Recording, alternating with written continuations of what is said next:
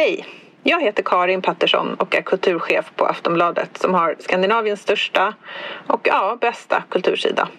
Varje vecka kommer dessutom mitt nyhetsbrev där jag skriver personligt om veckan som gick och gör ett urval ur veckans bästa texter och poddar. Både hos oss på Aftonbladet Kultur och på andra ställen. Nyhetsbrevet kostar ingenting och du får första tjing på inbjudningar till våra event och samtalskvällar om litteratur och idédebatt. Gå in på aftonbladet.se kulturbrevet och bli prenumerant. Hej då! Okej, ehm, välkommen till, vad ska man säga? Säger man? Brukar, någon gång måste vi, det här är vårt tionde år, någon gång måste vi äga, eller vi måste erkänna att vi har en podd. Att säga hej till lyssnare. Vissa har ju en sån eh, liksom förinspelad, har jag tänkt på. Alltså att de ja. börjar alltid likadant. Så här. Just det. Ett förinspelat intro. Jag det tycker liksom jag beundrar folk som har det. Och det här är papara alltså paparazzi-podden. Just det. Min favoritpodd i Sverige. Den har inte jag hört, ska jag lyssna Nej. på. Men men jag tycker det är lite som att man är bra på bordskick egentligen. Att, och vi är dåliga på bordskick. Alltså som vi inte kan.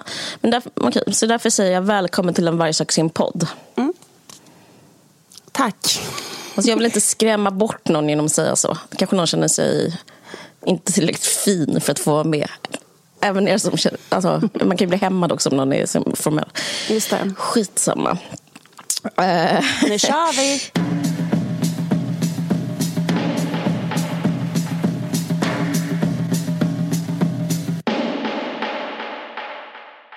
Jag har sett Encanto.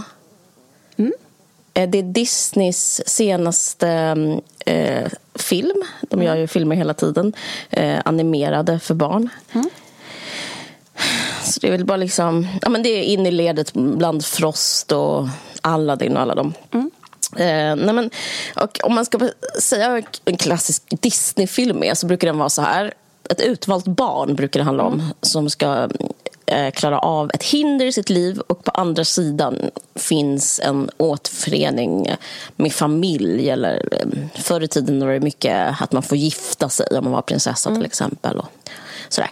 Men eh, nu så eh, har den här Encanto, den handlar om en colombiansk familj i, eh, i Colombia.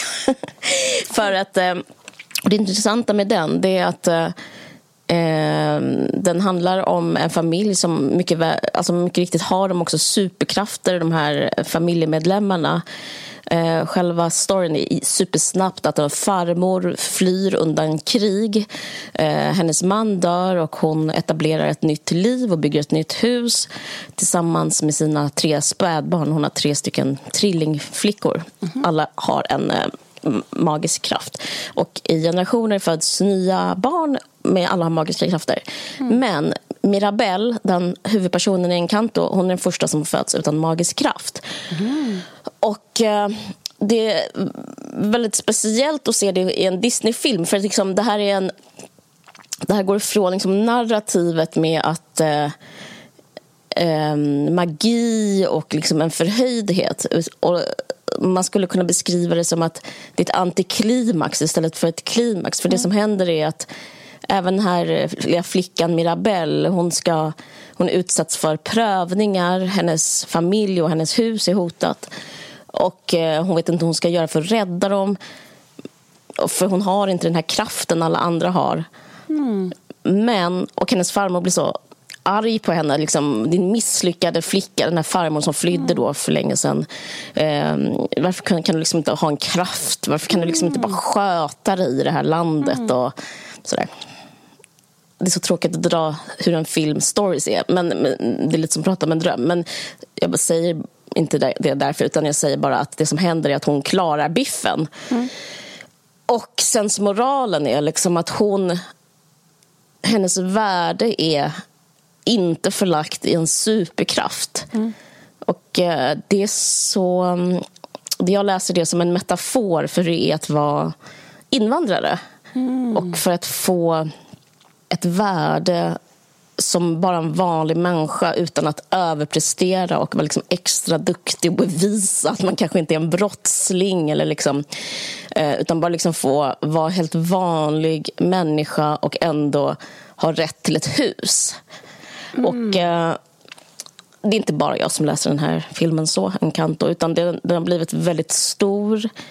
Eh, dels bland barn och dels bland unga. Den är liksom, eh, den är liksom störst på TikTok just nu. Den här låten har gått om Frost. Den är största hitten på 26 år, alltså av alla hittar som finns. Eh, en låt som heter We don't talk about Bruno. Eh, men det, skit i det, jag är inte så intresserad av musiken. Eh, den är gjord av Lin Manuel Miranda men jag kan inte så mycket om musik så jag, liksom, jag vet inte om, om den är bra eller dålig. Jag men det är ett tecken på att filmen är liksom jättestor? Ja, precis. Ja. Den, bara liksom, säljer bra. Liksom, mm. sådär. Men det som är intressant det är liksom att... Vad ska man säga? det är liksom önskan. Alltså om alla Disneyfilmer liksom handlar om önskningar om till exempel att bli rik från att vara fattig. Eller liksom, även alla sagor handlar om det egentligen. Liksom. Mm. Eh, eller liksom att någonting slår in så är önskan om liksom att få ha kvar liksom, mm, familjens kärlek och eh, eh, sin plats på jorden utan att liksom bli extra rik eller extra duktig eller extra någonting. Det handlar mer om att komma upp till noll, typ. alltså, eller så ja. för henne då? Alltså, typ nej, det handlar bara... Alltså, nej, hon, är liksom, hon, är, hon är noll redan, men hon, det handlar men om att hon... är minus och kommer upp till bara vad alla andra är, typ? Alltså, ja, eller, eller, det, eller, eller hon är inte minus, hon är en jättetrevlig och älskvärd ja. tjej, men hon, hon, typ så här, hatar, hon, hon är fylld av självhat och liksom prestationsdriv mm. mer. Så, och hon, som, och hon känner att hon inte kan leva upp till sin familjs standard. Och mm. Den standarden är liksom nedärvd av att vara rädd att inte kunna leva upp till det här landets standard. Och nu när vi, vi, vi har lyckats fly, vi har lyckats en gång. Liksom, vi måste vara tacksamma. Och, eh, hon med sin vanlighet äventyrar deras status, kan man säga. Mm. Ja, men, eh, men det här handlar liksom om Alltså det handlar om olika saker. Det handlar rätt mycket om trauma. Och, och Sinen, jag skickar någon länk till dig, jag vet inte om du hann se det, men liksom, eh, har rapporterat om att terapeuter i USA har liksom börjat med liksom en kantoterapi. Liksom pratar om det nedärvda traumat och liksom det är ett sätt att eh, närma sig den här typen av trauman som finns i vår värld idag, som finns hos rätt många människor, som är att man själv kanske är andra generationens invandrare eller liksom tredje generations invandrare men har en känsla av eh, ja, men, jag vet inte vad man ska kalla det, av, av liksom ett trauma av en slags förlust eller i sin kropp mm. som inte ens beror på en själv. Och de pratar om det här i filmen, den här farmor, hon är liksom hela tiden, hon har det här liksom, hon är liksom första generationens invandrare som bär på det här traumat och hon liksom hela tiden vill straffa sitt barnbarn för att hon inte liksom lever i den här rädslan och sådär. Mm. Men så är typ så, så är sensmoralen att, hon inte, att det är farmor som har fel. Liksom, hon har rätt att vara liksom, en vanlig person utan eh, att bära på det här traumat och hon har rätt att bara finnas till och sådär. Den är, den är, den är, den är väldigt uh, fin faktiskt. Alltså jag såg den i december och liksom, jag, det, det, fick mig att börja tänka på liksom, representation. För, för mig var det här rätt så nytt att se en Disney-film och ett nytt sätt liksom skild, det var liksom rätt så exotiserande av den här colombianska familjen men samtidigt var det rätt så helande att se liksom, andra människor än vita liksom, ta det lite lugnt. Alltså, även fast det till och med var i en, eh, på tecknat så var det, liksom, det var väldigt nytt, annorlunda. Um, men uh, tänkte jag inte mer på det. Och sen, men sen så läste jag att Filminstitutet, uh, det här var i december, skulle, ska säkra den konstnärliga friheten staten enligt nya direktiv från regeringen. läste jag en artikel i SvD. Mm. Ehm, och då säger den här, ett citat därifrån är väldigt positivt för den kreativa atmosfären i filmbranschen, säger en filmproducent som heter Lena Renberg. Alltså det har ehm. varit innan, ska sägas då? Ja, precis. Ja. Jag kommer till det. Ehm, det är liksom Um, I tio år ungefär typ. sen Anna, alltså Anna Särner avgick precis. Mm. Och, um, som var vd för... Hon var vd. Hon, hon som hade, bestämmer. Vad gör de? De ger pengar till vilka som får göra film. Precis. Ja. precis. Hon, väldigt positivt för den kreativa atmosfären i filmbranschen sa då eh, filmproducenten Lena Renberg i den här artikeln. Och så kollade jag upp vem det var eftersom jag blev så nyfiken på vem som har blivit Alltså man, man tänker så här... När man hör... Att hon tycker det var positivt att det tas bort? Precis. Ja. Mm.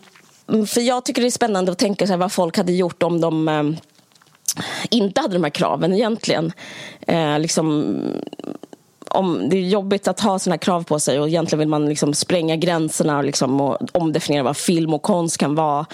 Men alltså på grund av krav på mångfald och kvinnors medverkan eller, eh, och sådär så liksom gjorde de en annan produktion. Och, och då säger jag att det är producenten till, till Frank skiljer oss åt. Jag vet inte, känner du till den filmen? är, det, är det han um, Heiba, Heiba Beriba? Är det, vad heter ja, det är Peter, Peter Magnusson Magnus. som har gjort den. och, eh, tillsammans med Lena Redberg. Jag har inte sett filmen, men jag kan säga att hur den ser ut. På, eh, affischen är tre blonda mm. personer står i en skidbacke. Två mm. män och en kvinna. Mm. Eh, med vit hy då. Mm. Eh, svenskar med svensk namn jag vet inte. Alltså, kanske för att det var en, de kanske ville, jag tänker, vad vill han inte att det skulle vara en kvinna med? Jag vet inte. Men hur som helst, jag, ska inte, jag har inga omdömen om det här. Jag vet på riktigt inte om det är bra eller dåligt med de här regeringens nya direktiv som alltså innebär att inga eh, det, ska, det ska inte liksom vara någon man ska inte göra det lättare för kvinnor eller eh, invandrare man, att få göra film. Man ska inte väga det, in det. Liksom, man ska inte väga in man, det när man söker. Förutom konstnärlig kvalitet. För då har kanske varit här, dels vad är det för konstnärligt intressant och också så här, vilka mm. är det som gör den. Och nu ska man då bara gå på eh, så Bara gå på konstnärlig, eh, konstnärlig kvalitet. kvalitet. Mm. Precis. Det är därför den där har fått stöd. Jag men precis, chockad. Alltså, mm. för det, nej, men jag tycker det är lite konstigt också det med konstnärlig kvalitet. För det sitter ju bara en jävla tomtar där på Filminstitutet och det vet ju alla. Jag tycker det är så konstigt att alla har så mycket förtroende för det. Att de kan bedöma konstnärlig kvalitet. För om vi tittar på vad som görs så kan de inte det. Men det var, ett, det var en parentes. Men det var det Anna Sterner kände. Ja.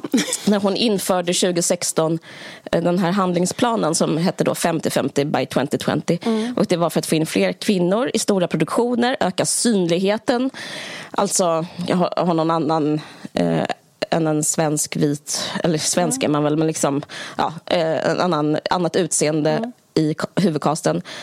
Och sen så skulle man fortsätta räkna och öka kunskapen om genus och breddad representation.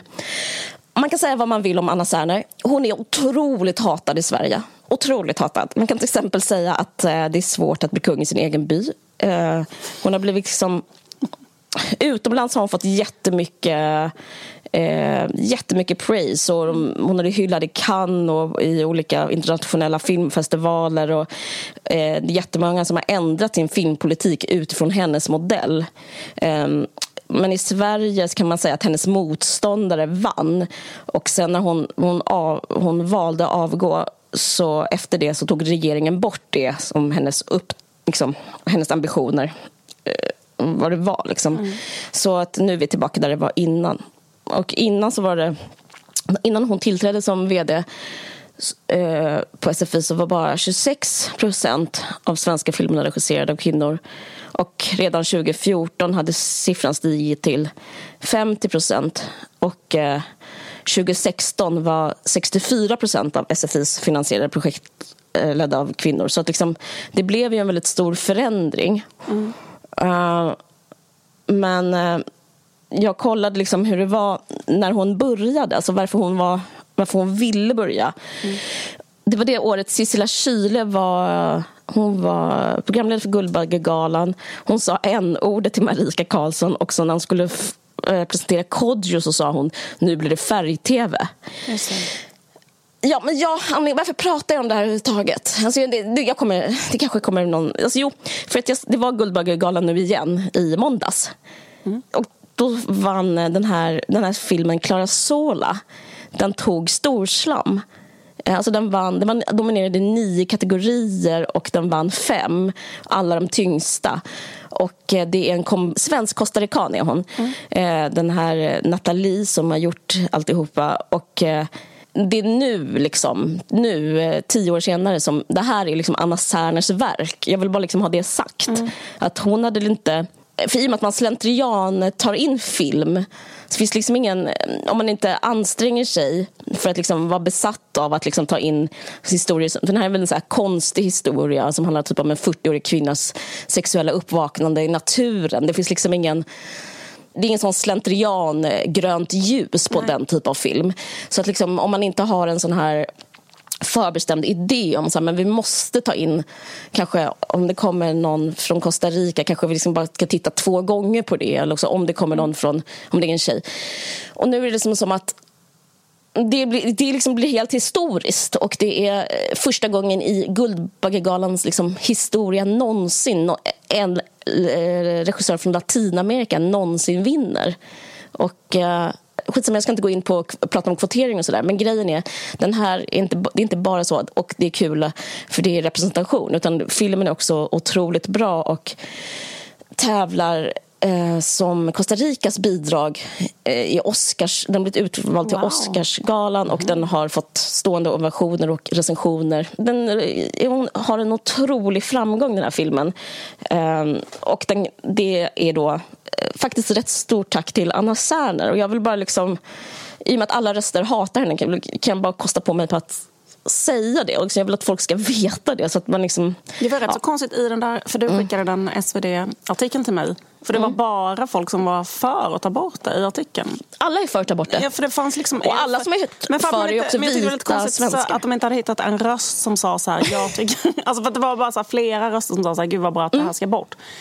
Uh, men sen, uh, precis, man... man uh... men, men, det är otrendigt nu. Alltså det, det, det, jag tycker det handlar om liksom, svängning vid trendsamhället. Alltså, uh, wow kanske var väldigt inne så här, 20, mellan 2012 och 2014. Typ. Yeah. Nu känns det som det mest otrendiga åsikt man kan ha, typ, ja. i stort sett. Ja. Um, och, och, och, som sagt vet jag fortfarande inte vad som är den rätta vägen. Uh, men, men det här, i alla fall Anna Serners verk, får man ändå liksom ge henne.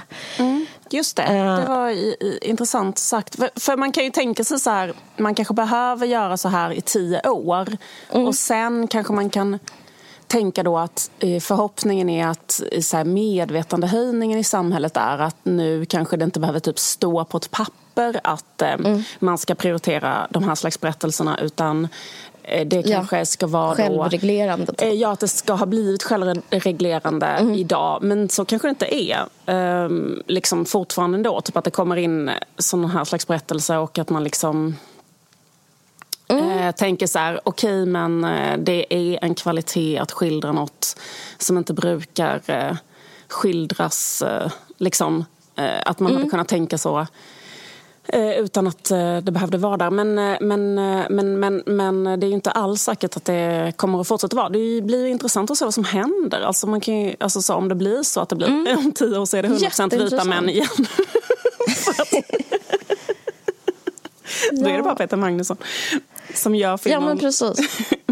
För sig skulle jag nästan föredra om han, jag vill säga bara om skidåkning, utan kvinnor Men ähm, jag skulle nästan föredra om han gjorde filmen som inte innehöll kvinnor för att jag tänker att han är Men det skulle säkert bli bättre. Det skulle mycket bättre för att han är väl också en evig singel. Han känns inte som en människa som känner till romantik. Jag tror också det är därför den romantiska komedin inte blir trovärdig. Alltså han känns som en sån mm. autoerotisk person, eller vad heter det? Den skulle kunna skriva en... Ja, men det, är så, det är så mörkt och djupt. Den vill jag verkligen se, den filmen. Det bara handlar om en man. Och nu så kommer han få de pengarna, för nu kommer inte de liksom gå till någon annan. Så det, det kommer bli, det är win-win för alla. Precis. Nej, men jag vet inte. Jag, alltså det, det är jättekonstigt med just med konst som liksom definieras av liksom frihet att ha regler. Så att liksom jag, jag, jag förstår att det är... Eh, men samtidigt så är, finns det en poäng med representation jag, jag, jag, skulle säga att jag har även sett nya säsongen av Curb Your Enthusiasm. Har, har, du sett den? Simma lugnt lär det heter på svenska. Nej, jag har inte sett den. Och jag har inte hunnit läsa den eh, köttberget-texten. Nej, ska sägas. det är nog Men jag bra. kommer bara lyssna här intresserat. det är bra. Ja, men Curb skulle man ändå säga som är, eh, den ligger som... Jag tror våra lyssnare har sett den. Det känns som att våra lyssnare liksom är trygga med Curb och Larry David. Alltså Larry David är liksom Seinfeld-skaparen som... Eh, han är liksom... Han är, han är kanske världens bästa komiker mm. med några andra där uppe. Och eh, Den är jätteunderbar, den serien. Och den är jätte OPK. Mm. Eh, därför tycker jag det är intressant att han då, av alla människor tar sig an problemet representation Eh, men han gör det liksom på ett sätt utan att avvika från sin egen ton av att vara liksom en vidrig människa, helt enkelt. Även den här otroligt liksom ironiska, satiriska, eh, bordusa serien Curb. Eh, de gör det på ett annat sätt. Utan de, eh, sista säsongen handlar om att Larry David ska göra en ny serie som handlar om när den unga judiska Larry David i New York som bor med sin morbror. Och eh, Det är en sån coming of age, alltså helt påhittad, jättekul. Mm. Eh, så jud, judiska New York på 60-talet. Men då så är det som att han eh, är med om någon konstig idiotisk liksom, eh, grej i, i sin pool och en, det får en olycka vid poolen. Och för att inte han ska få uh, polisreprimander så eh, hamnar han i en utpressningssituation med en tacoägare. Och tacoägaren säger jag kommer inte anmäla dig till polisen om min dotter Maria Sofia får vara med i din serie. Hon drömmer om att bli skådis. Mm. Och då är det så att han kan fucking inte tänka sig något värre än en sån... Alltså, kan inte, alltså antitesen till hans liksom, idealkvinna.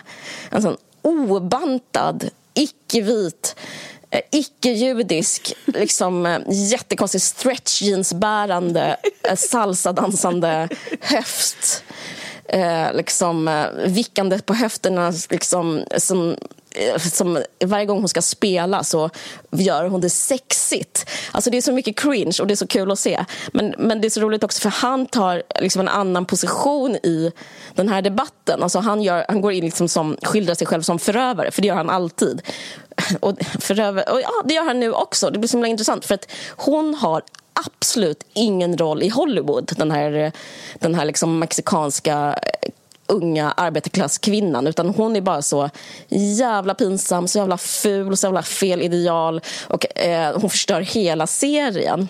Men, liksom, men det är fortfarande samma historia som berättas liksom, fast han gör det på ett väldigt, ska man säga på ett tufft sätt. Ja, på ett genialiskt liksom. sätt. Liksom, ja. Verkligen. För att, att, eh, ja, att han hatar henne. Ja, istället för att bara så här, eh, liksom skriva in henne som en... Eh, ja, det här är hans nya kompis, ja. typ, så här, som han börjar umgås med effortlessly. Liksom, som en, så här, att, ja.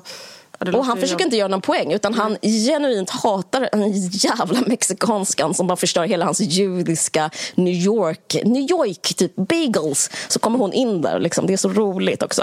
För att hon är jättedålig. Men, men det han säger liksom, eh, utan att behöva säga det är mm, vissa personer får inte vara med. Ja. Och så får hon vara med genom när han säger det. Alltså det är väldigt genialiskt. Nej, men jag, vet inte, jag tycker det är intressant att prata om de här grejerna också utifrån Karin Petterssons text. Hon skrev en artikel som texten heter typ så här, Åsa, Anna och Karin. Det är vi som är köttberget eller något sånt där. Mm. Och det här köttberget handlar då om hur eh, medelklasskvinnor styr kulturen. Mm. Och eh, i önskan, för hon har en önskan, hon har liksom en anmälan med texten som är vi måste låta deras berättelser få finnas. Mm jag vet inte. Alltså man pratar om andra historier inom, inom kaninöre, liksom andra historier än medelklassen. Det, jag kan tycka det är lite exotiserande, för liksom, på ett sätt så finns det inga andra historier. Mm. Om man håller på med konst eller berättande så håller man på liksom med samma frågor som alla som håller på med konst och berättande. Liksom, det har inte att göra med liksom att man är invandrad att göra. Alltså, jag tycker även det är orättvist mot Ellen Kullhed som också får vara liksom ett så här ingår det där självhatande Vad skrev hon för att, om Elin Kullhed? Jo, att hon, att, alltså kort sagt att den var dålig för att den var medelklass och att den strök sin medelklassläsare medhårs.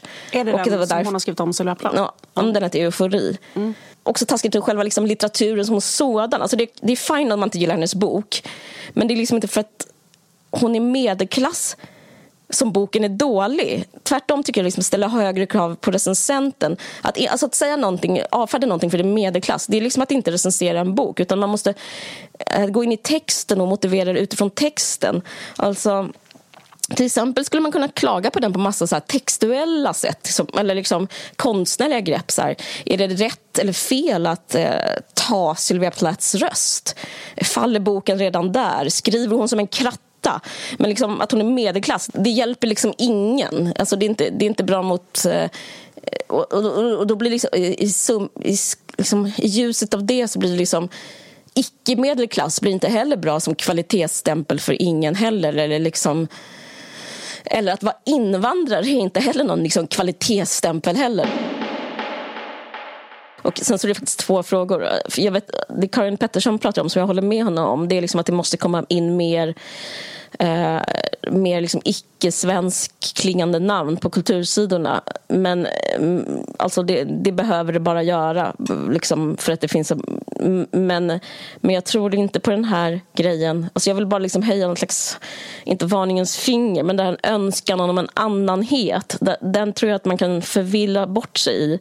Att liksom, Eh, den önskan den liksom delas just bara av den som bestämmer vad som är en annanhet och vad som är helheten. Entiteten, den helheten är subjektet, jaget, svensken och liksom det andra man önskar är liksom ett objekt. Och eh, jag tror strävan måste vara liksom att allt ska bli ett subjekt eller allt ska bli en helhet. Och jag tror liksom, det finns något mörkt i att tro på att det inte finns något gemensamt mänskligt. Typ så här, även det här med transpersoner, kön och klass. Alltså det allt det där finns. Och jag, inte, jag ska absolut inte hamna i jag ser inte färg. Men, men eh, Uh, jag, jag längtar efter, uh. alltså det finns mycket anklagelser uh. om uh, världen, att den är för postmodern, att postmodernismen har förstört saker och sådär. Så, mm. Men det, det görs mig så jävla inspirerad till att vara postmodern. För att inom postmodernismen Gud, så... Ja, men exakt. För det är ju hela, det är ju hela essensen av postmodernism är att um, det finns multipla sanningar som är eh, ja. sanna samtidigt. Och det är ju till exempel en sån grej. Att liksom, det är både så att vi är jättelika och det är så att utifrån vilken position du står så ser du olika saker och är med om olika saker. Och liksom... Eh, precis som samtidigt som du liksom... Um, alltså det, det är paradoxer som... På, och, och liksom, typ, för det blir också ja. så att du ska behöva kategoriseras bara för att du är från en uh, liksom, vad heter det, strukturellt diskriminerad grupp så måste du då berätta bara om det. Du får inte berätta liksom... alltså förstår du vad jag menar? Det, det blir också... Eh, Nej, men, precis. men sen så stämmer det ju, alltså det stämmer ju fruktansvärt mycket att liksom allting som sker på kultursidor eller bokförlag och så eh, är i en typ liten sekt där alla eh, så här, i princip låter sina egna barn få jobben. Och det är nästan som en sån inavlad där liksom bara arv, alltså det är som en sån gammal eh, kungafamilj, gammal adel. Alltså det är sån slags stämning. Jag vet, egentligen. men jag är bara emot att, att, att invandrare ska komma dit och liksom vara ja. cirkusapor. Jag vill bara att de ska vara en del av sekten eller vad man ska säga. Där, där är det väl bara så också att det är de som bestämmer som har det stora ansvaret Alltså ja. Det är ju sådana chefer på en sån kultursida eller eh, folk som ger ut böcker eller folk som ger pengar till film. Alltså, det är ju de som får um, uh, liksom vara lite aktiva och och eh, leta upp och vara lite på. Mm. Liksom. Att eh, försöka leta utanför sin, sin egen sekt. Liksom.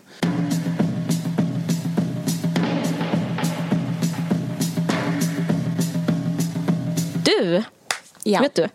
Vi har ett samarbete med Folkteatern Göteborg. Wow. Den 26 februari har de premiär på ingen mindre pjäsen Moderna tider av Charlie Chaplin. Wow. Favoritfilm. Mm. Jag älskar den filmen. Mm. Det var kul. Jag älskar Charlie Chaplin. Jag är Charlie Chaplin-head. Uh, så det är väldigt kul. Och det är en fri bearbetning av Pontus Lundqvist och Erik Holmström. Kan Pontus förstå? Lundqvist, alltså serietecknaren Pontus Lundqvist? Ja! Wow. Nej, det är jätte, jättekul. Och eh, Cecilia Nordström eh, har gjort musik alltså, och eh, tillsammans med Lotta Wenglén så blir det livemusik. Hon och Cecilia Nordqvist. Ja, men, wow, det är ju nej, Malmös bästa musiker. Jag vet. ja, men det är för anledningen till att de gör den här nu det är att vi lever minst sagt i moderna tider. Men går det att vara mer modern än den första människan vid löpande bandet eller den som tog första steget på ett löpband? Mest modern måste väl ändå vara den första sushibiten när den rullades ut på ett löpande band. Kanske någon av de sex Charlie Chaplin-svaret. de som åkt genom tiden fram och tillbaka tills de tappar bort sig själva? Är de kloner? Är de döda? Eller är de samma person? Okej, okay. snacka om postmodernt. Välkomna till moderna tider. Aldrig har Folkteatern varit trendigare. Wow. Hälsar, hälsar Folkteatern. Och ska man köpa en biljett eh, extra billigt nu på grund av oss. För att mm. vi älskar kultur och älskar Folkteatern och Charlie Chaplin, Pontus Lundqvist och Cecilia Nordström. Och erbjudandet är att man ska uppge varg när du mm. bokar på folkteatern.se. Och eh, man kan också mejla biljett.folkteatern.se eller så kan vi lägga en länk, eller vi kommer lägga en länk via vår Facebook. Och Då kostar det bara 200 spänn och så får man gå och se den här Moderna tider ombearbetningen eh, som har premiär den 26 februari på Folkteatern i Göteborg. Wow, vad kul! Gör det. Tack så jättemycket Folkteatern. Vilken ja, superrolig pjäs och rolig ja. idé och eh, det kommer vara skitbra. Gud vad kul. Tack. Ja, alltså ja, det jag pratar om kommer passa jättebra ihop med eh, det du pratar om. För att jag eh, tänkte prata lite om eh, en annan amerikansk skribent som dog i december 2021. Eh, förra gången så pratade vi om Joan Didion. Ja. Eh, men även Bell Hooks eh, dog 15 december 2021. Ja. och hon är ju då... hon föddes 52 i mm. Kentucky. Och eh, hon är en eh, författare. Alltså hon började som eh, litteraturvetare. hon. hon skrev liksom en doktorsavhandling om Toni Morrison. Så det är hennes ehm, typ bas, att hon är akademiker egentligen, alltså litteraturvetare mm. helt enkelt. Ja. Men hon har skrivit jätte, jätte, jättemånga böcker, typ 40 böcker mm. eller, eller mer, eh, i massa olika saker. Hon har skrivit dikter, eh, barnböcker, men hon är ju mest känd för sina liksom, politiska texter. Hon skrev liksom essäer då. Ja. och... Eh, förlåt. Eh, men, men, och eh, liksom... Kanske är hon mest känd för um, eller det som har gjort att hon, alltså hennes liksom magnifikt stora inflytande över Mm. Liksom feministrörelsen, eh, den allmänna diskursen, liksom bla bla bla. Det är ju liksom hennes tanke som hon skrev i en text som hon egentligen skrev när hon bara var 19 som är den här Ain't I a woman? Som mm. är så här superkänd. Och den handlar om precis det liksom, som du pratade om mm. liksom, egentligen som är så här um, vad heter det, svarta är också människor. Eller vad du menar? Typ, så, liksom, nej men alltså så här, vi och dem är inte nej, vi men och att dem. Man tillskrivs massa egenskaper som... Alltså, så, ja, så ska man liksom passa ihop med de egenskaperna. Liksom, så, ja. Precis, och typ att man inte räknas mycket var ju en kritik mot feministrörelsen. Mm. Så på det sättet tycker jag också att det var intressant att läsa, eftersom vi förra veckan pratade om John Didions kritik mot feministrörelsen, vad som är mm. liksom Bell Hooks kritik mot feministrörelsen på mm. 60-talet i i vad heter det, USA, 60-70-talets mm. liksom andra vågens feminism. För mm. eh, Bell Hooks hade ju liksom en jättesvidande kritik mot den, fast från ett annat håll. Mm. Eh, nämligen då att den var helt och hållet centrerad kring vita feminister som mm. liksom inte... Och svarta kvinnor var liksom inte med i den eh, rörelsen och inte liksom... Eh, det är ju det som liksom titeln implicerar Liksom, mm. Är inte jag en kvinna? Liksom, varför inte jag alls liksom... Eh, ja, varför inte jag en del av viet? Liksom. Precis. Eh, och mycket av det hon skrev... Alltså hon har skrivit en essäsamling som heter From margin to center. Eh, den mm. meningen mm. liksom beskriver lite, lite, lite grann vad hon menade. Liksom, att mm. Det är inte något som sker i marginalen, alltså, utan det är center lika mycket som... Mm. Varför ska vita människors center vara center? Liksom? Alltså precis som det du pratade om. Med. Ja, men precis. Och sen också det här liksom med intersektionalitet var ju hon då... Eh, alltså liksom att svarta kvinnor är med om två sorters förtryck. Liksom. Då dels mm. Eh, förtryckta för att de är kvinnor och sen också mm. förtryckta, rasistiskt förtryckta. Då. Och det var ju en tanke mm. som inte var eh, uppmärksammad. Nu är den ju så himla uppmärksammad, nu kan man ju nästan glömma. Men jag såg det med allting. Men den fanns inte från början? Nej. Eh, liksom, jag eh, tycker att hon är så jävla bra på att förklara detta i, på ett köttsligt sätt. Alltså på ett sätt som gör att man förstår. Mm. Eh, för det kan mm. vara diffust tycker jag så här, när någon säger så här, vit feminism.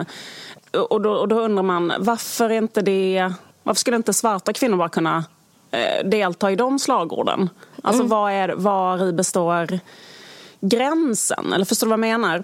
Alltså jag tycker att hon förklarar det så jävla bra att den, den mesta mindblowing läsupplevelsen, alltså det är väldigt, hon har skrivit så jävla mycket och det finns så jävla mycket att välja men jag tänkte liksom mm. bara välja något jag ville prata om apropå att ta upp hennes liksom lägga sig i podden eftersom ehm, eh, hon har dött, att det är så intressant att eh, liksom, eh, ta upp vad hon har skrivit eh, mm. så, eh, så tänkte jag på en, en, en text som, som, som verkligen var en eh, liksom ögonöppnare för mig som jag läste jag kommer ihåg faktiskt när jag läste den. Jag läste den 2008 mm. för att jag var på ett en anarkistisk bokmässa i London och då kunde man köpa den som så här utprintad på stenciler hophäftad. Mm. Och då var jag gravid med mitt första barn. Och, då, och den heter Revolutionary Parenting.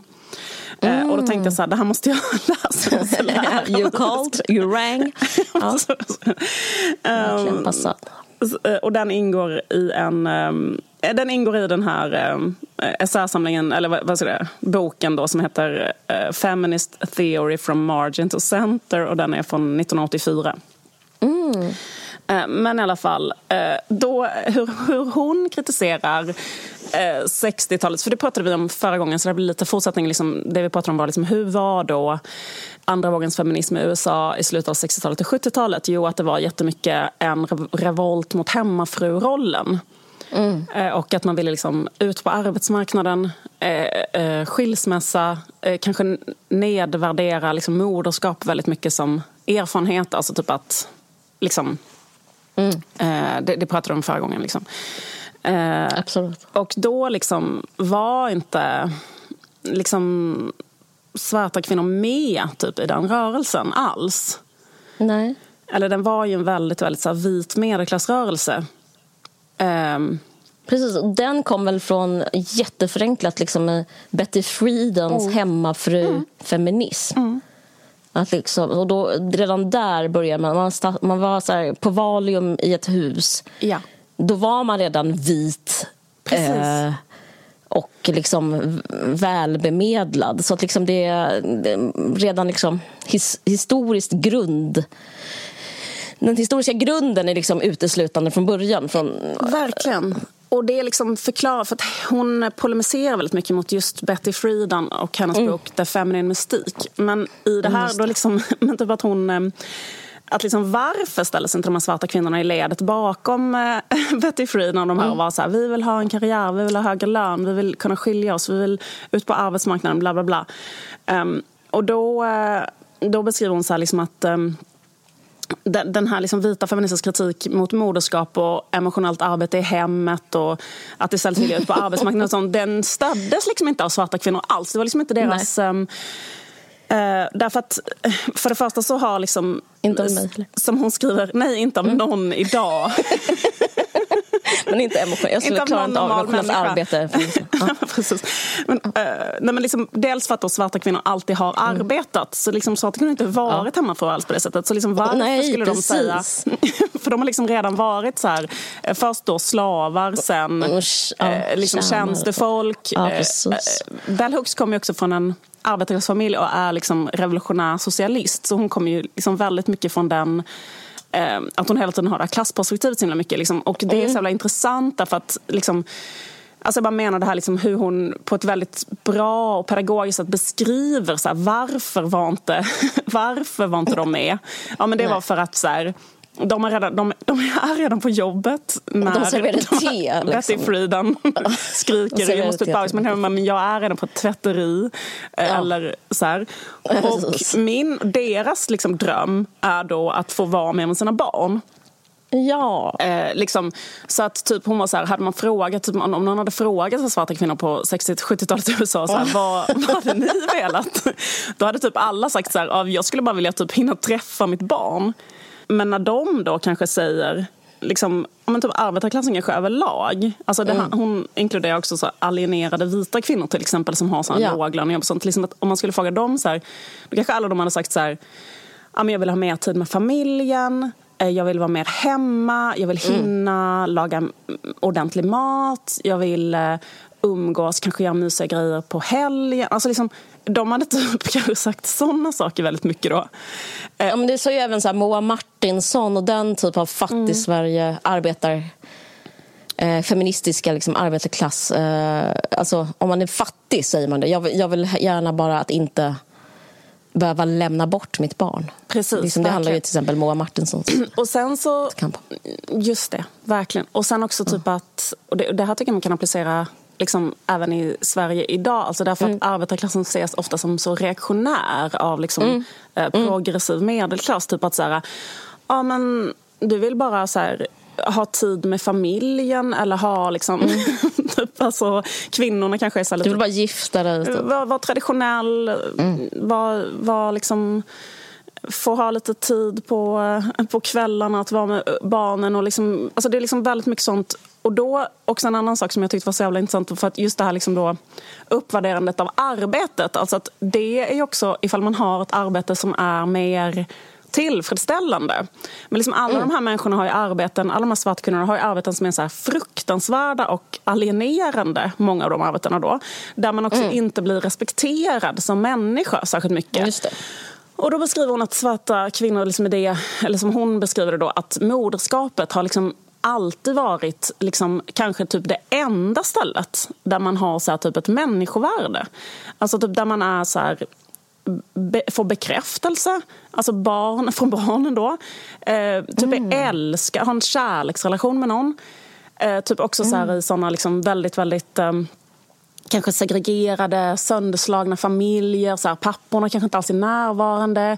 Eh, man har ett eh, jobb där man liksom, kanske är tjänstefolk och blir liksom mm, sedd ner på. Eller man är städerska. Eller, alltså ingen, man är liksom helt, man är liksom ingen, man är nobody hela tiden. Och man, är, mm. man har en chef och ingen, alltså man är bara en osynlig... Eh, ja, men, man, liksom, men just i rollen som mamma så är man liksom eh, ja, man, har, man har en kärleksfull, bekräftande mänsklig relation helt enkelt med mm. någon, med sitt barn. Då. Så det är där heimat är, liksom, om man är i Just den situationen. Det. Så det blir liksom så jävla svårt för dem att förstå varför de skulle börja... Alltså skulle de börja med ett politiskt projekt som går ut på att så här, fan, jag vill inte göra emotionellt arbete. Nej.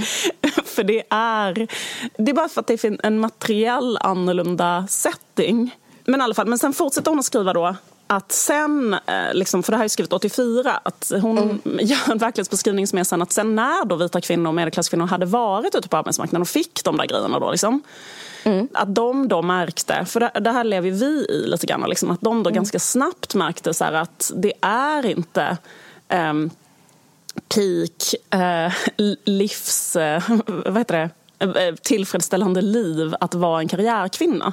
Liksom typ att Nej. arbetsmarknaden är jättesexistisk fortfarande.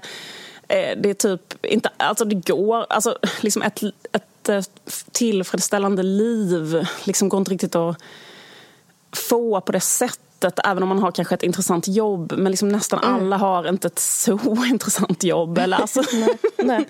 Så då började också de kvinnorna sedermera ehm, eh, vita medelklassfeminister blir också så. För det är därför man mm. övergav lite. Så då blir man också så att så här, men gud jag vill, jag vill ha tid att också vara en mamma.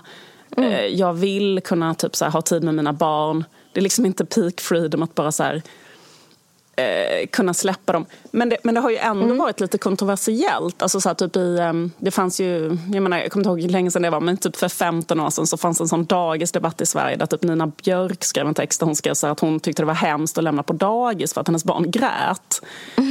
Och, kommer du ihåg det?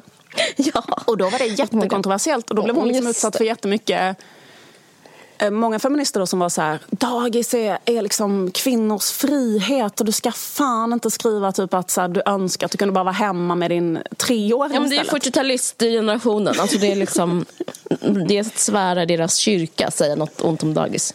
Precis.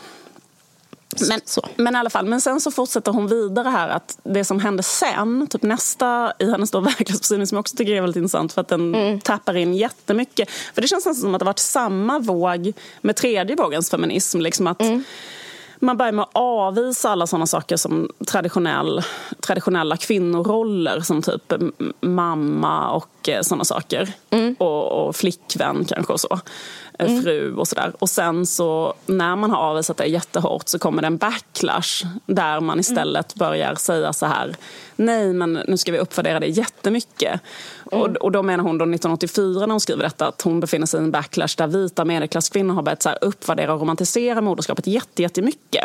Och mm. liksom att det finns en massa så här glamoriserande modereportage om eh, gravida kvinnor och bla bla bla. Och, och det lever vi i maximalt nu. Alltså typ mm. att eh, man så sentimentaliserar och eh, eh, moderskapet på ett sånt sätt att man liksom, eh, så här, också att vara typ en ung mamma. Alltså det är så här trendigt nu liksom att mm. eh, att, men så jag tycker det handlar om pengar ändå på ett sätt som... Ja, ja exakt. För det är alltså, det hon kommer till. Det är ett sätt ja. att liksom vara så rik Eh, alltså det är liksom en slags härskarteknik ja. att kunna vara så. Nej, men jag är bara hemma med mitt barn. Och så får man inte fråga den frågan, men hur försörjer du dig? Ja. Alltså det är att vara så pass rik. Liksom, ja. att, eh, Precis, för då, men exakt, för då skriver hon om det också. Liksom, att det är, mm. och, och, då skriver hon ganska kul om det. Att, att uh, vita feminister börjar liksom gå lös så jävla mycket på hur underbart det är att vara mamma och försöka mm. uppvärdera moderskap och sånt.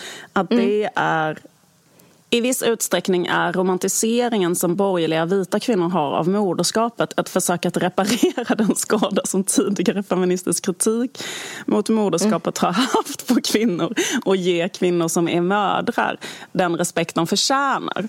Liksom mm. att eh, försöka så här, sopa, sopa igen spåren att man har sagt att det var eh, liksom, eh, kvinnoförtryck, våld, typ. eh, våld, att man bara ta hand om barn. men, liksom, eh, men grejen är att sen så slår man över jättemycket för mycket åt andra hållet och precis som du säger så liksom, eh, är hon jättekritisk mot det. Liksom, eh, sentimentaliserandet av, av eh, moderskap och typ att så här, det att få barn då alltså typ att, jag menar, enligt all statistik så är så här, ensamstående mödrar är mycket fattigare än alla andra. Liksom att bara skaffa barn är ju att kunna skaffa barn ung, det är väldigt få förunnat, absolut. Det är, så här, det är väl kul att, eh, så här, att ha, men liksom, vill man propagera för det så måste man propagera för eh, strukturella förändringar av samhället. Bostadsmarknaden, ja. eh, CSN, eh, liksom att, att kunna möjliggöra det. Och det, det finns ingen som är mer för det än jag. Men man hör Nej. ju aldrig någon för att, eller jag tycker att det skulle vara en jätteviktig politisk reform också på grund av liksom fertilitet mm. och sånt, att den går Verkligen. ner. För det är så jävla sjukt att kvinnor...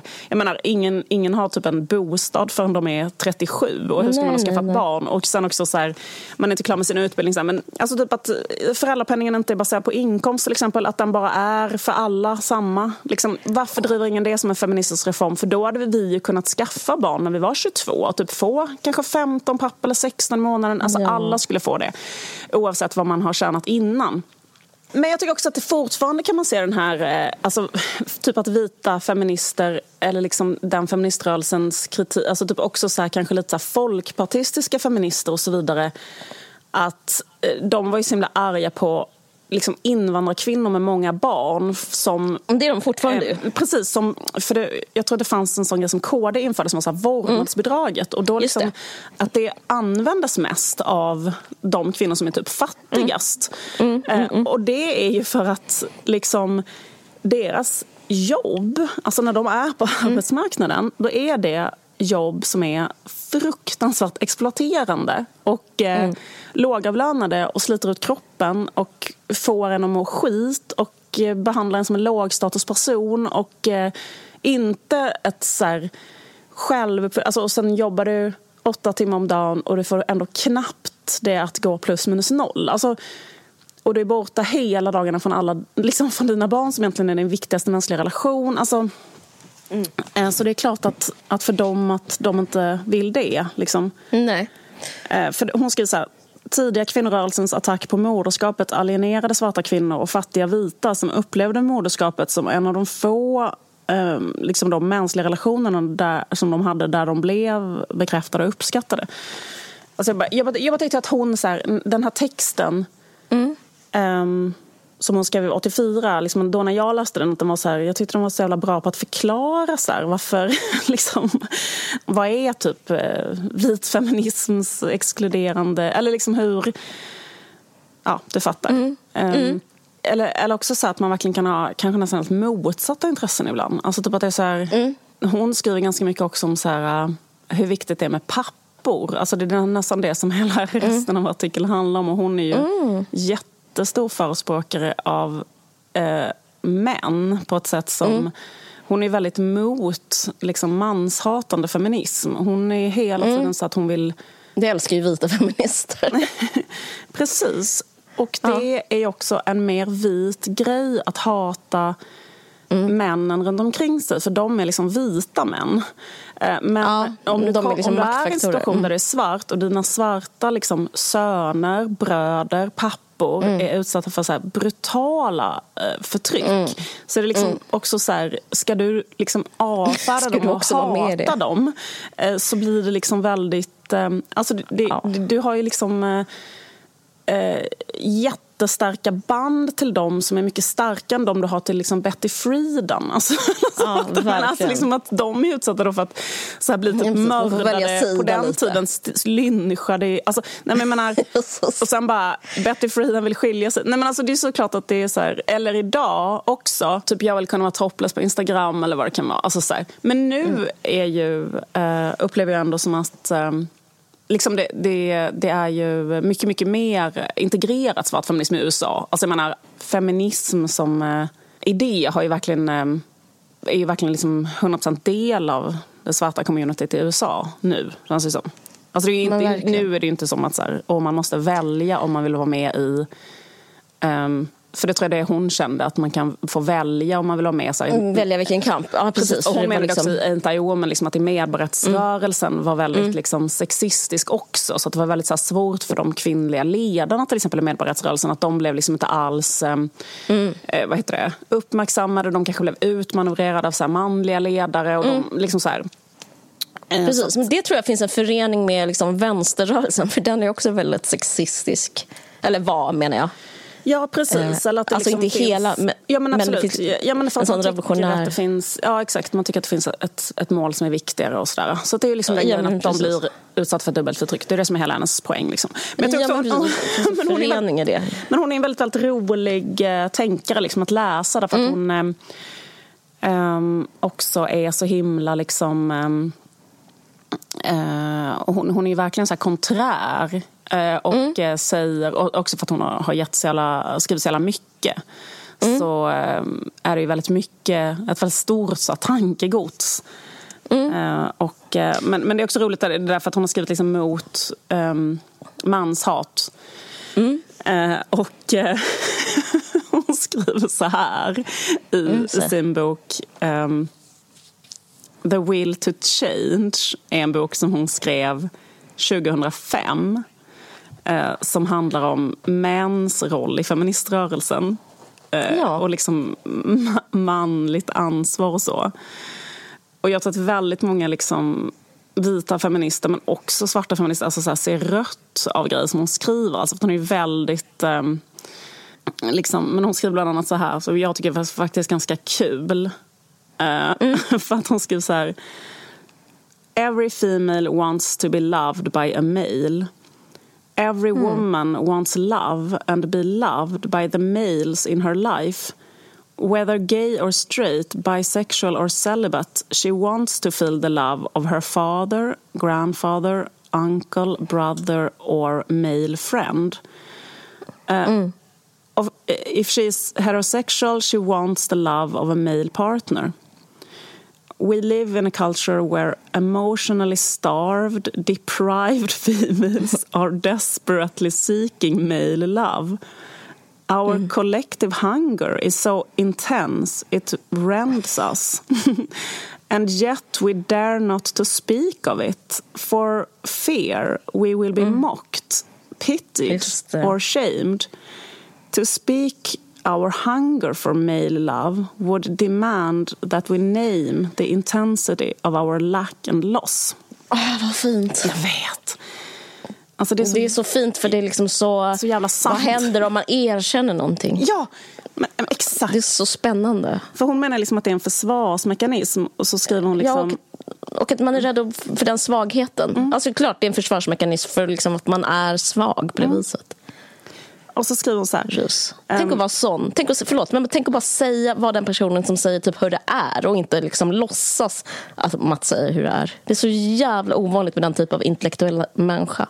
Verkligen, verkligen, verkligen. Och att hon liksom inte alls är... Um Alltså hon, eh, det är så jävla modigt. det är så jävla modigt. Det är så icke-positionerande. Ja. Alltså jag, jag sitter och ryser. Fy fan vad fint. Jag måste bara läsa ett till citat om vad hon säger mm. här, för det är också så kul tycker jag.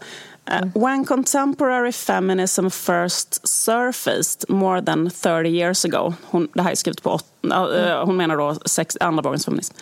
Uh, när, när den feminismen, när samtida feminism först dök upp för mer än 30 år sedan så var det delvis en rasande cover-up för den skam kvinnor kände. Inte för att män vägrade dela med sig av sin makt utan för att de inte älskade oss. alltså, um, mm. Not because men refused to share their power but because we could not seduce, cajole or entice men to share their emotions with us, to love us. Um, att vi inte kunde liksom mm.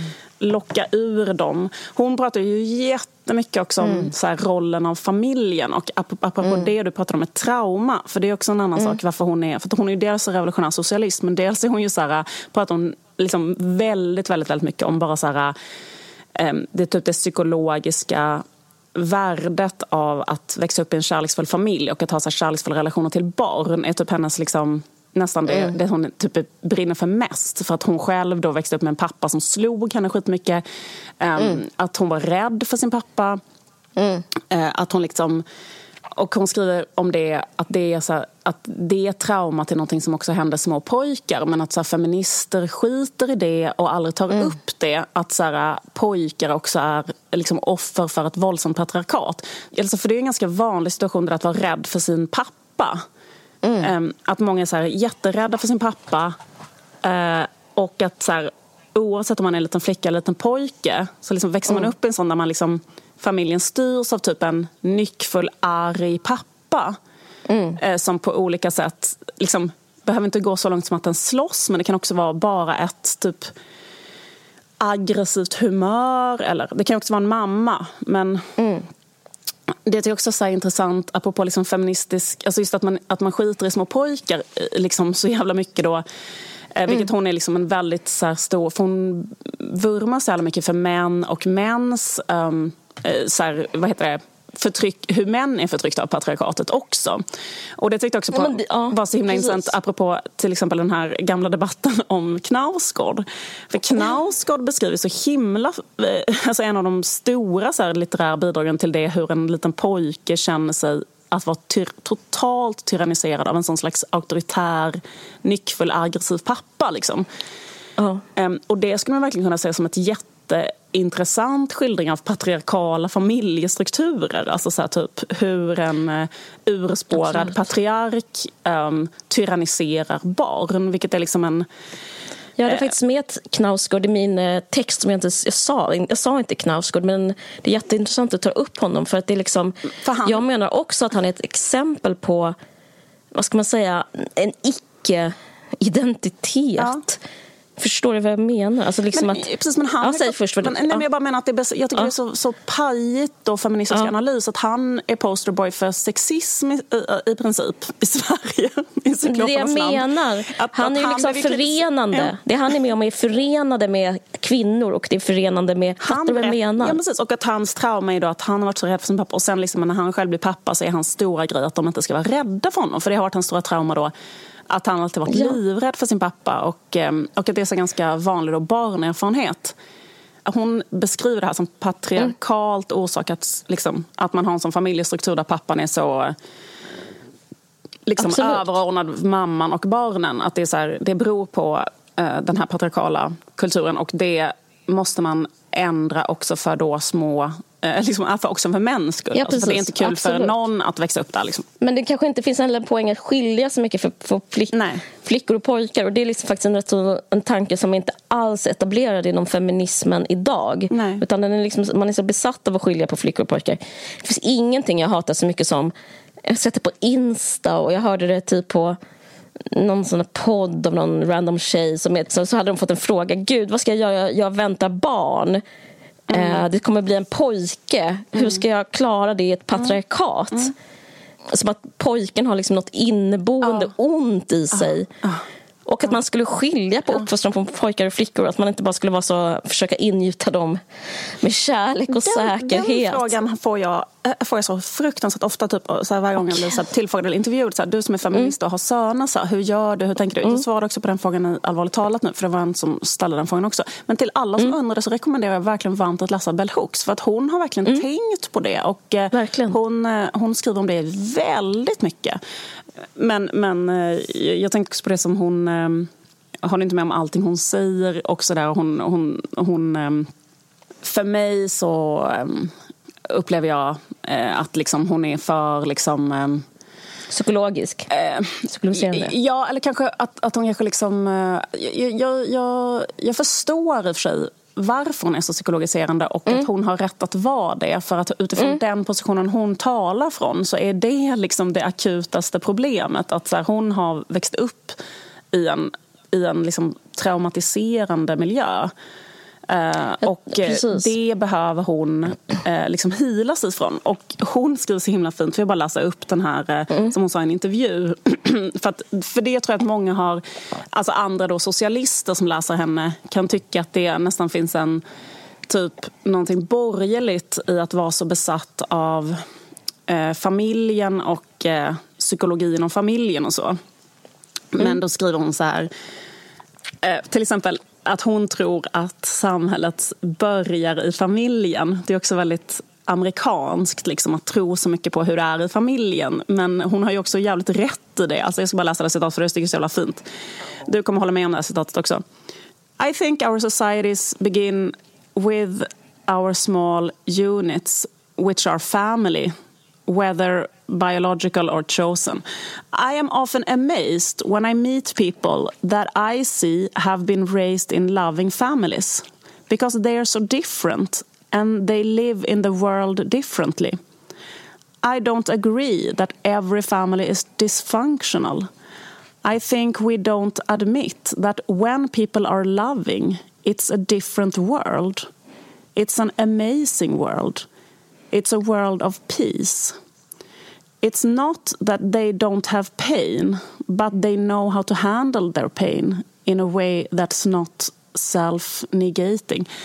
Alltså typ att det är så här jättestor skillnad på människor som växt upp i kärleksfulla familjer och folk som inte mm. har varit det. Och att det är så här, liksom, alltså jag tycker det är så fint så här, bara, att, att liksom bara, när man har haft det när man var liten mm. i sin familj. Och det, är som, och det är så fint att skriva bara It's an amazing world för, för de människorna. Det är liksom It's a world in peace. Det, är liksom, det, det finns liksom ja, inget... Um, Uh, och, och, man råkar ut för smärta, men det, då kan man hantera det. Alltså det är liksom en helt annan situation. Och för henne då, det, uh -huh. för att liksom hon är växt upp, så här, eller just det, med också så jävla mycket som har att göra med klass såklart. Att man liksom lever, lever så här, typ jättesegregerade områden i USA där det är så här fruktansvärt fattigt och jättemycket droger, jättemycket kriminalitet, jättemycket våld, jättemycket liksom splittrade familjer, jättemycket trauman på grund av att alla materiella omständigheter är totalt fackade och um, liksom att det reproducerar eh, också såna jävla psykologiska trauman som gör att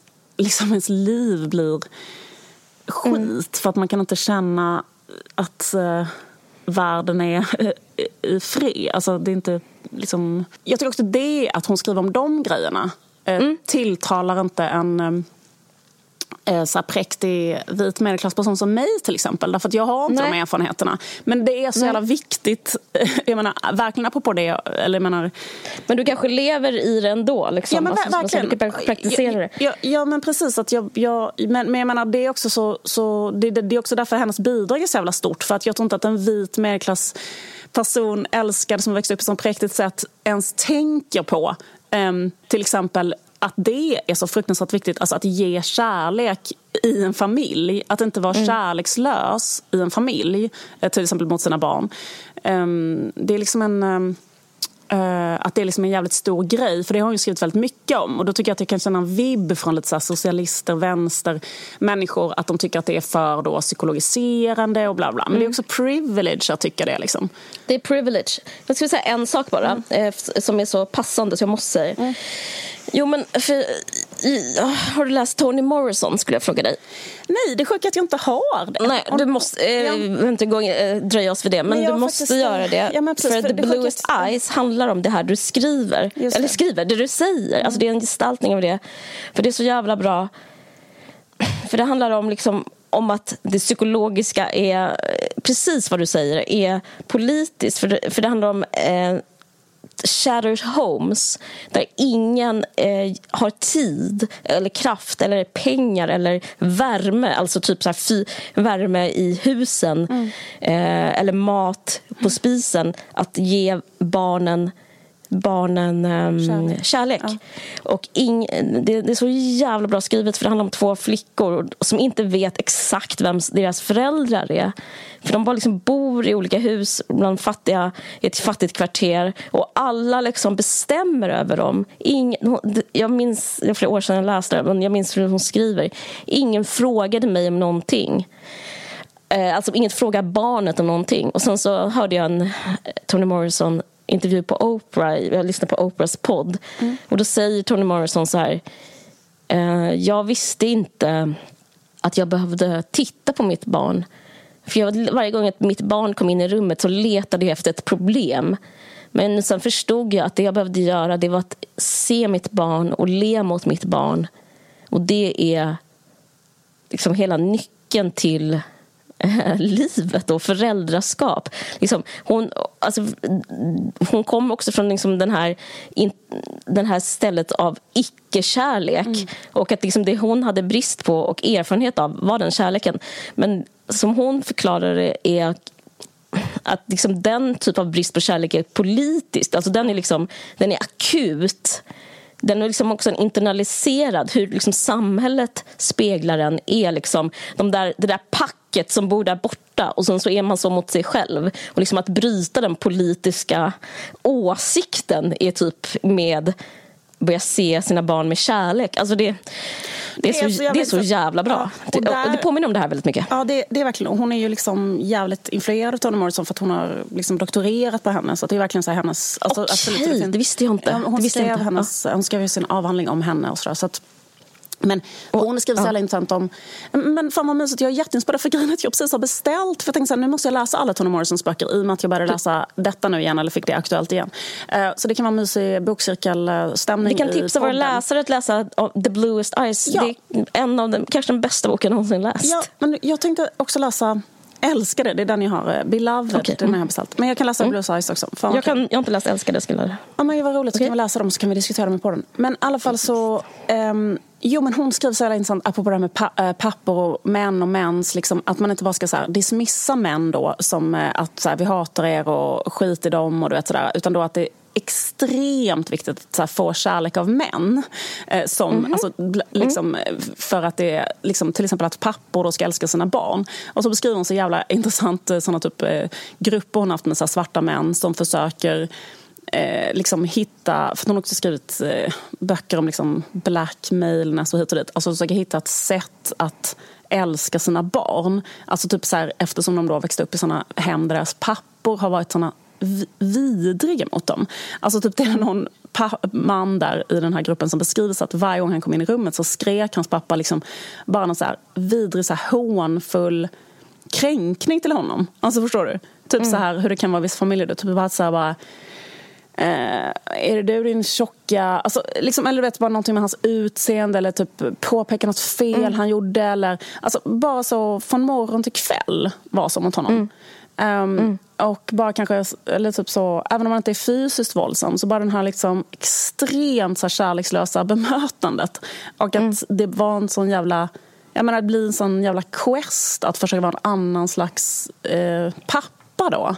Mm när man inte har någon, aldrig sett hur man ska vara. Alltså så här, men att de då höll på utifrån då eller det är spännande, det handlar om att bryta trauman också. Alltså det är bryta liksom trauman bryta... och eh, som hon skriver i boken så här, The will to change och liksom hela mm. den här mm. grejen att försöka så här, vara en... Och, och, men hon skriver ju då jätte, jätte, jättemycket hur viktiga män är och att det är helt sinnessjukt att utesluta män från eh, kampen mot liksom, patriarkalt, eh, sexistiskt förtryck för att de är liksom, eh, då helt så här, nyckelpersoner i det. Att, att bryta det liksom, och att de måste Um, och hela den här Will to Change handlar om det, hur män kan... Mm. Och det, det, är också väldigt intressant för att det, det är väldigt, väldigt inbjudande också till män. Bara så här, hur kan man själv ändra hur man är och sådär liksom. Um, men eh, det, ja, så att... Um, Vad kul. Det är bara, jag känner tacksamhet för när jag läser ja, allt. Jag har skrivit så jävla mycket och det är mycket som är så himla, himla, himla bra och intressant.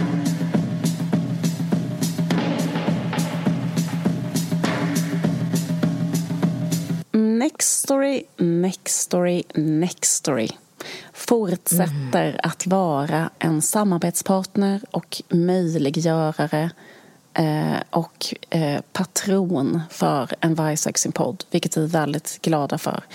Eh, det är en app man kan ha i telefonen för ljudböcker. Ehm, mm. Har du eh, eh, läst något intressant på. Nextory mm. på sista tiden? Ja, ja. Mm. Vad? Uh, J'ai lu Albert Camus. Jag har läst Albert Camus. Uh, wow. Hans nya bok Pesten. Wow. Han är död sedan jättelänge. Ja. Men grejen är... Eh, han har skrivit om pesten som härjade i eh, norra Afrika för jättelänge sedan. Och, han skrev, och så började jag läsa vad han hade, hans two cents om vad en pest är. Och jag tycker det är så jävla intressant, för det var som att läsa om, om oss i nutid. Mm. Det var att han beskrev hur allas egon var oförenliga med en yttre kraft som bestämmer över kollektivet och hur vissa har svårt att låta den här kollektiva, det här kollektiva straffet de vägrade gå med på det. Och så tycker jag det är i vår nutid just nu. Verkligen. Att, eller hur? Mm. Att pandemin, vissa liksom won't have it. Mm. Och hur egot utsätts för en prövning. Ja, då har Albert Camus redan skrivit det för hundra år sedan. Nej, kanske inte riktigt hundra år sedan. Men, men eh, och, och, och, så om man vill veta någonting om eh, vår samtid så ska man läsa Pesten av Albert Camus. Fantastiskt. No longer whether individual individual destinies, only a collective destiny, made of plague and emotions shared by all. Wow! Gud vad måste... intressant. Ja. Eh, fantastiskt bra boktips. Uh, mm. Gå in på nextra.se och bli medlem. Nu är det också så att om du skriver in koden VARG45 så får du 45 dagar gratis. Vill man ta del av det här eh, fantastiska erbjudandet går man in på nextro.se kampanj anger alltså er kod VARG45. Um, 45 dagar gratis betyder det. Absolut. Otroligt. Tack så jättemycket för att ni är med och hjälper till att göra den här podden möjlig, Nextory. Vi är också sponsrade av Glansholms bokhandel. Och mm. det de gör är att de säljer Muminmuggar på nätet, vilket de har gjort sedan 2014. de har Sveriges och kanske världens största sortiment av Muminmuggar. Alltså både aktuella som går att köpa nu och mm. utgångna som är liksom eh, antikvariska mm. och eh, som är liksom jättesvåra att hitta. Så de har mm. alltså nästan alla, drygt mm. hundra olika muggar Eh, på lager. Oh, gud vad kul. Och det här är liksom ett eh, samlarobjekt för sådana här liksom utgångna Muminmuggar. Um, typ, det finns ju så på Stinky eller på Morran. Eller, uh, ja, de är liksom väldigt, uh, det är liksom en, um, någonting som uh, ökar väldigt snabbt i värde. Eh, typ ja. näst, året efter så kan de vara värda dubbelt så mycket. På andra jag, vet, alltså jag, jag läste det var någon nyhet för ett tag sedan och då var liksom världens dyraste Muminmugg hade sålts för eh, typ 200 000. Eller eh, jag tror, vänta jag har det här. 236 478 kronor. Är det, det är roligt för att liksom vi, ja, det, kanske liksom, det kanske är ett sätt att uh, göra våra lyssnare rika då. Att liksom in, alltså investera nu, för fan. När vi är på, på Glansholms bokhandel. Det är också jag, lustigt för att de, uh, de kommer, det kommer att komma liksom två nya muggar nu mm. i februari. En ny Lilla My-mugg och en ny mm. Stinky-mugg. Stinky är min Stinky favorit. Är uh, det är min favorit i Mumindalen. Vill du inte fråga, ska du inte fråga mig vilken som är min? Jo, vilken är din favorit? Totiki. Är det sant? Mm. Gulligt. Mm. Stinky är tjuven. Det är en rolig karaktär tycker jag. Man kan förbeställa de här två nya muggarna till ett förmånligt mm. pris om man vill mm. investera i en till exempel Lilla My-mugg eller en Stinky-mugg.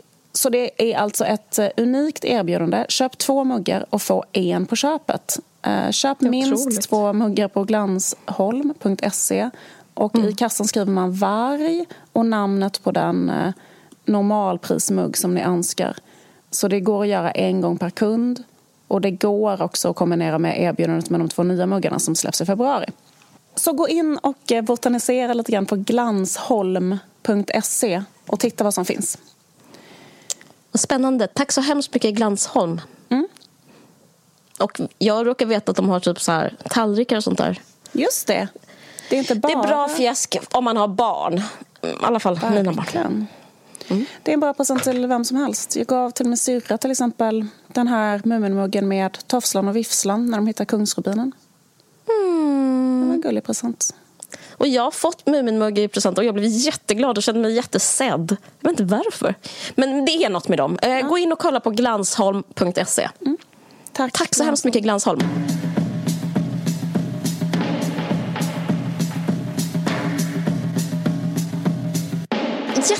Jättekul att äh, snacka lite. Kul att snacka lite. Vi hörs igen om två veckor. Det gör Tack vi. för all fin respons. Ja, vad kul. vad kul! Det känns jättekul. Det känns som att en Vargsaxin podd pikar nu efter tio år. Verkligen. Verkligen. Um, Verkligen. Och, vi ska hitta på något och fira det här tioårsjubileet på något sätt. Men vi, vi, vi, startade ju inte förrän i oktober, november så det är på gång. Jag tror att det var typ december. Men fan vad kul att alla ni är med oss. Eh, och tack för alla grejer ni har skrivit. Eh, vi läser allt. Och jag tror typ jag svarar på allt också. Så att, eh, ja, tack så hemskt mycket. Puss och kram. Och ha en trevlig kväll, fredagkväll. Ha en underbar kväll. En underbar helg också. Mm. hej då. Okej, okay. hej då.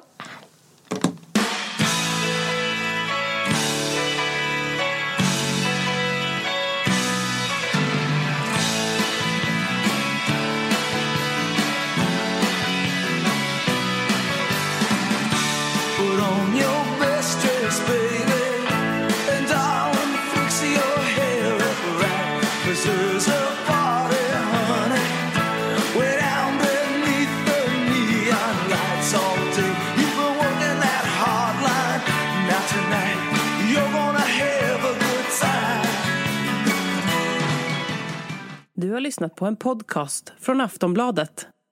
Ansvarig utgivare är Lena K Samuelsson.